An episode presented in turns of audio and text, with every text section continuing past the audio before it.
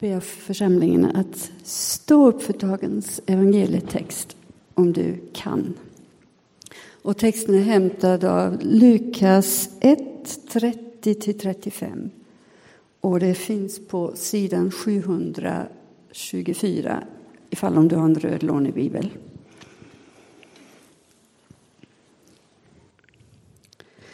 Då sade ängeln till henne, var inte rädd. Maria, du har funnit nåd hos Gud. Du ska bli havande och föda en son och du ska ge honom namnet Jesus. Han ska bli stor och kallas den högstes son.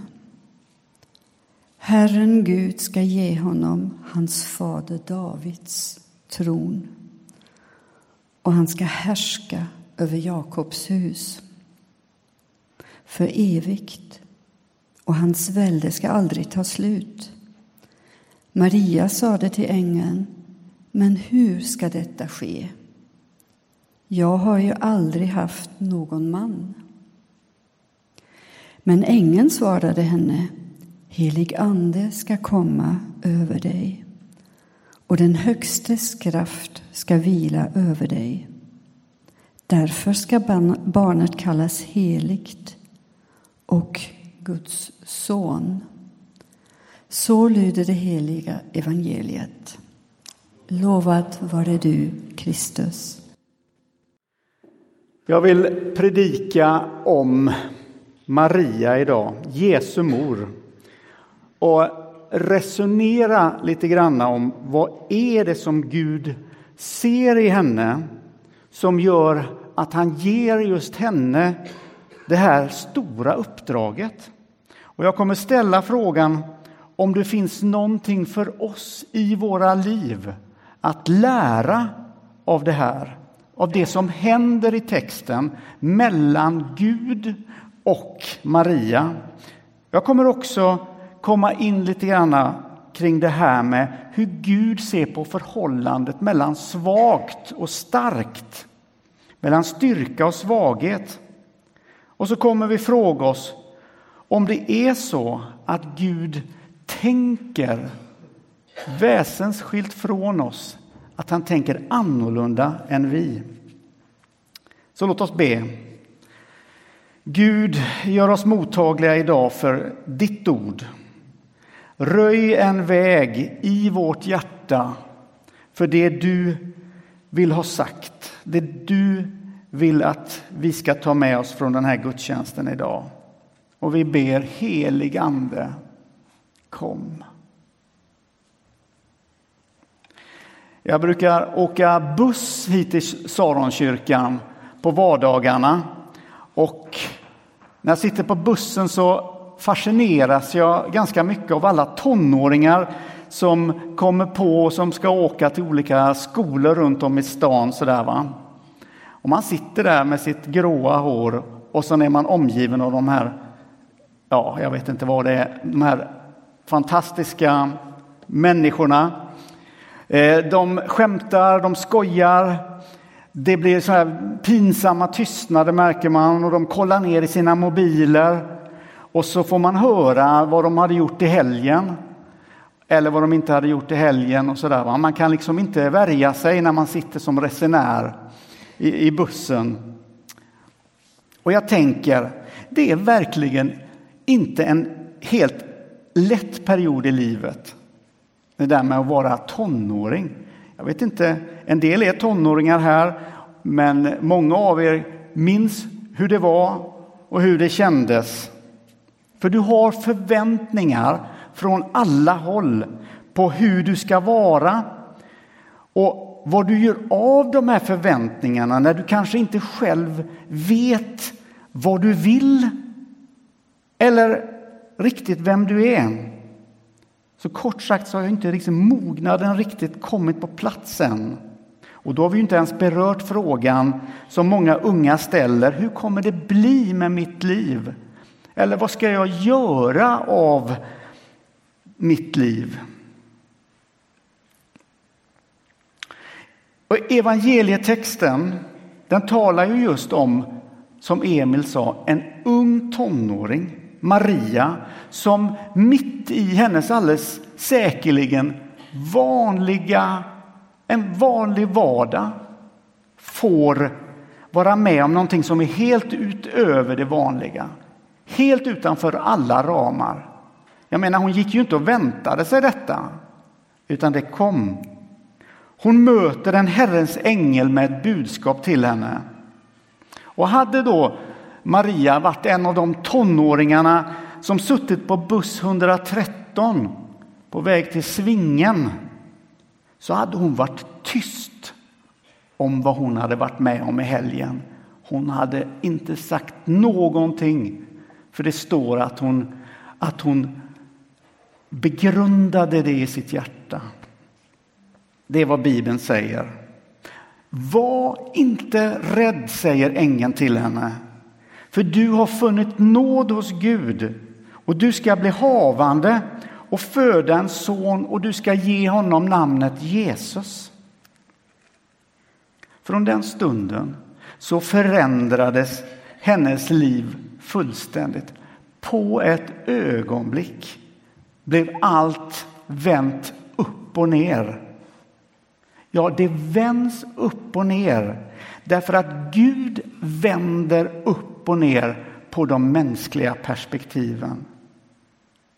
Och vi kan fråga oss, du och jag kan ju fråga oss, hur kan han, alltså Gud, hur kan han låta en så ung människa ta hand om det mest värdefulla han har, sin son, världens frälsare? Alltså på riktigt, är det, är det riktigt ansvarsfullt? Att lägga hela mänsklighetens framtid i ett par så här liksom darriga tonårshänder. Men det frågar inte Gud. Därför att han tänker annorlunda än vi. Att vi tänker att Gud nog borde ha valt någon som är, har större erfarenhet än Maria.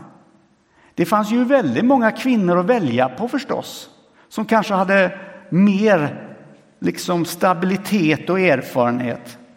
För allt logiskt tänkande säger ju att hon är alldeles för oerfaren för ett, för ett uppdrag av den här kalibern. Det är ju så mycket som kan gå fel och inte bli som man har tänkt. Så tänk så här som en jämförelse. Det är som om vi skulle ge riksbankschefen Stefan Ingves sparken och så sätter vi dit Erik Bengtsson i 8B på hans position. Gud vänder upp och ner på de mänskliga perspektiven. Han tänker annorlunda än vad vi, hur vi tänker. Och hela berättelsen om Maria och uppdraget hon, som hon får att bära Gud i sin egen kropp. Alltså att bli gravid utan att en man är inblandad.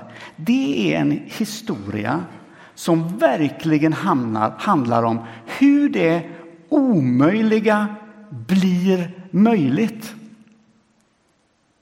Och det är någonting som ligger i den kristna tron hela tiden och lurar. Det är inte alltid vi kan ta till oss det. Men vi läser det genom hela Bibeln. Hur det omöjliga blir möjligt. Jesus, han föds in i den här världen som en skör och oskyddad liten baby i händerna på en ung och oerfaren flicka. Hela julens budskap, om, om vi lyssnar ordentligt, utmanar vårt mänskliga tänkande om vad som är starkt och om vad som är svagt. Att Jesus låter sig bäras in i världen som ett litet barn. Detta budskap, själva barnet, hela den här händelsen som händer här är ett budskap som riktar sig till det starka i den här världen.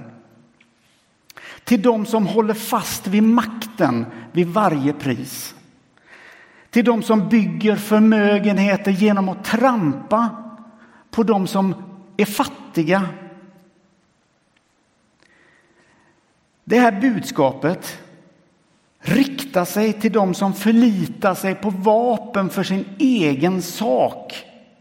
Det här budskapet riktar sig, om man hör det, till de som lånar fjädrar för att det ska se lite ståtligare ut men innerst inne är ganska fattiga och nakna. Och budskapet för den som hör är entydigt och klart. När hoppet kommer in i världen genom det lilla, lilla barnet i krubban då kommer han också med ett annat perspektiv på vad makt är och hur man utövar makt. Det lilla barnet kommer få pelarna att rasa och den här världens makter att skaka i sina grundvalar.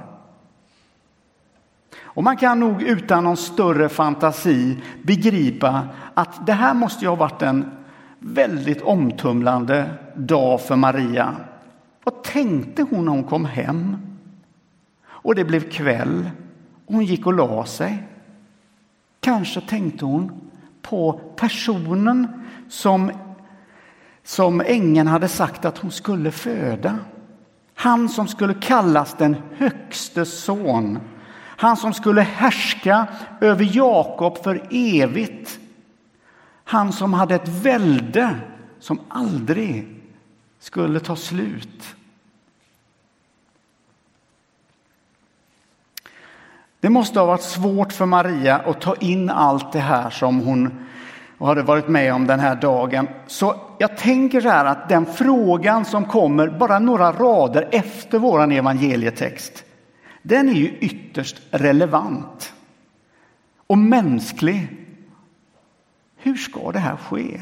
Hur har du tänkt dig det här? Jag har ju inte haft någon man. Har du ställt den där frågan till Gud någon gång när det sett så där riktigt omöjligt ut? Hur ska det här ske? Hur har du tänkt det här? När vägen knappt är farbar. Du kan liksom inte överblicka den. Men du vet någonstans att det är den du ska gå. Hur har du tänkt det här, Gud? Och samma svar som ängeln ger till Maria ges ju också till dig den här dagen, den 23 december 2018 genom helig ande. Genom helig ande ska det bli möjligt. Alltså inte i den egna styrkan eller i tron på den egna förmågan som du kanske har att kunna mecka fram en förändring. Det sitter inte i dina händer. Genom helig ande säger ängeln till Maria in i hennes fråga. Hur ska det här gå till? Och Maria öppnar sitt hjärta på vid gavel. Inte för att hon har alla svar, men hon öppnar det och så säger hon Låt det ske med mig som du har sagt. Och här, just här, är Maria en, en klar och synlig och tydlig förebild i det här att även om vi inte har koll på hur framtiden kommer att se ut eller vad det är man ska gå in i eller vad, vad, vad din uppgift är att ändå göra sig tillgänglig mitt i sin känsla av litenhet och brist på kontroll som man har. Låt det ske med mig som du, som du vill. Lyssna på detta. Gud har mer nytta av vår svaghet än vår styrka. Han har mer nytta av våra begränsningar än allt vad vi tror att vi i egen kraft kan leverera, som det heter så modernt. Ibland är styrka, vår styrka, ett större problem för Gud än vår egen brustenhet. Gud vänder upp och ner på de mänskliga perspektiven. Han tänker annorlunda än vad du och jag gör. Och vi, vi får se på Marias inställning, hennes ödmjukhet när hon trots en mängd inre frågor ändå gör sig tillgänglig för Gud. En fråga som jag har funderat på kring Maria så är det vad är det i henne egentligen som, som Gud ser? Varför väljer han just henne? För det här viktiga uppdraget att föda Messias. Gud ser alltid först på insidan i en människa innan han ser på det yttre. Gud ser alltid först på insidan i en människa innan han ser på det yttre. Han såg inte det som ett hinder att hon var ung. Det gör han aldrig. Du som är ung, Gud räknar med dig. Han, han kan göra vad, vad som helst genom dig. Låt inte vuxna trycka ner dig. Och du som är lite äldre och, och, tycker att Nej, men jag tror att jag checkar ut från uppdragen för jag, jag har inte så mycket mer att komma med. Gud kan använda dig och göra någonting vackert av dina omständigheter. Gud är ute efter öppna hjärtan. Så Gud ser i Maria den inre kärnan. Han ser ett mjukt och gudstillvänt hjärta. Det är det som han ser i henne. Må det ske med dig, med mig som du har sagt. Så det finns någonstans en, en grundläggande gudstillit i henne. Alltså, hela hennes hela den här händelsen är ju en riktig träning i tillit, ni vet, som hon är med om. Förr kallade vi det gudsfruktan. Det är lite gammeldags ord. Men det är det hon har, Maria. Och Gud, han frågar inte dig och mig hur starka och lyckade är ni? För nu har jag någonting på gång här. Så ni som känner att ni har lite muskler och lite är på G nu, ställ er upp. Liksom. Det är inte riktigt så han gör. Han säger inte, du jag har tänkt att ge dig ett uppdrag, men jag skulle vilja att du själv rejtar riktigt. Hur, hur duktig skulle du själv säga att du är? Har du det som krävs? Nej, han frågar, hur ser ditt hjärta ut? Är det mjukt? Är det, är det vänt till mig? Eller är det vänt åt ett annat håll? Vill du följa mig? Även om du inte riktigt vet vart vägen går.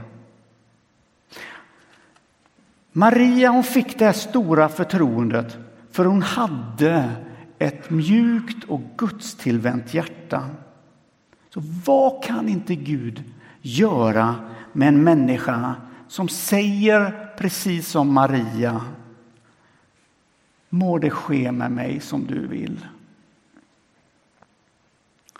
Och Maria hon svarade ja på kallelsen att bära Kristus i sin mage in i den här världen för att han, Jesus Kristus, skulle komma med hopp för de fattiga, ett hem för de vilsegångna och nåd för de som är bortvända.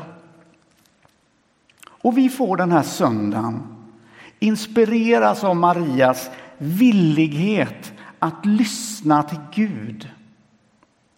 Och också vi bär, precis som Maria, Kristus inom oss. Hon hade Kristus i sin, i sin mage. Vi har Kristus inom oss, i vårt hjärta. Vi får också vara med att, att gå, bära ut Kristus i den här världen. Till de som är fattiga, till de som är vilsegångna, till de som är bortvända. Så låt oss be den bönen som Maria ber. Låt den få bli en daglig bön. Ske med mig som du vill. Det är egentligen den bönen vi vill be det i, i, i vår Fader varje söndag. Ske din vilja i himmelen som på jorden. I mitt hjärta också. Amen.